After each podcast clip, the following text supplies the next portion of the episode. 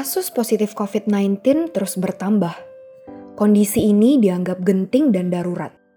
Lantas, pemerintah memilih langkah PSBB atau pembatasan sosial berskala besar sebagai upaya menekan laju pertumbuhan kasus COVID-19 di Indonesia.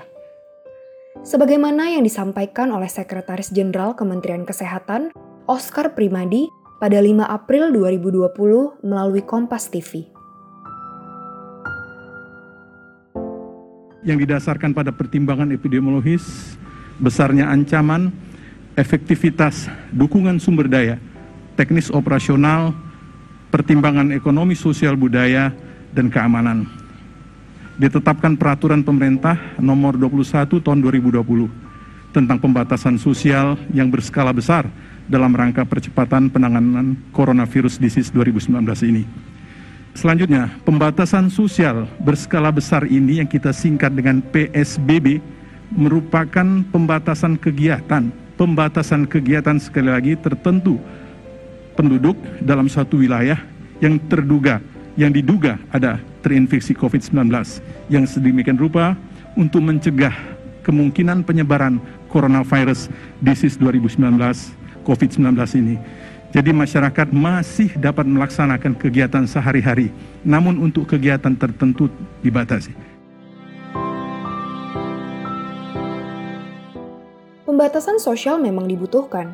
Sayangnya, PSBB dianggap memiliki sejumlah efek domino yang kurang menguntungkan, terlebih bagi mereka yang bekerja di sektor informal. Salah satunya adalah Andre Wahyu, seorang driver ojek online di kota Bandung, yang mana bahkan sebelum adanya PSBB, pendapatannya sudah menurun sebanyak 50 hingga 60 persen selama pandemi COVID-19.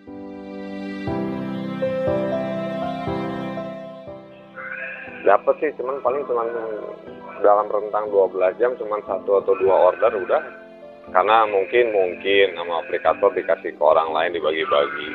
Kalau kalau lagi nggak ada covid sampai 20 rata-rata sehari hmm, gimana ya? Dari sisi driver sih memang si malakama ya. Kalau dibebasin juga covid makin menyebar luas. Kalau kalau di semi lockdown atau di PSBB juga ngefeknya ke pendapatan kita jadi ya gimana ya? Paling juga kita mah berharap kebijakan dari pemerintah bantuan dari pemerintah apa transfer BLT via GoPay atau via OVO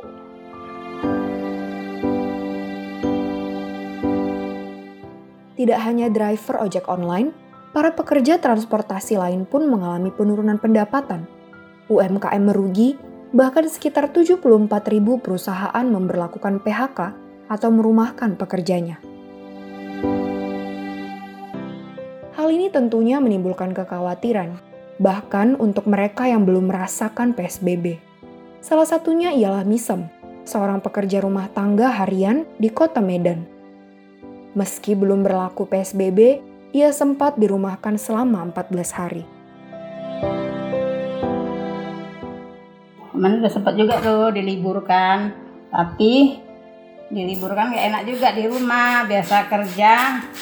Laginya pun kan nggak dapat duit. Kalau libur terusnya berapa lama ya?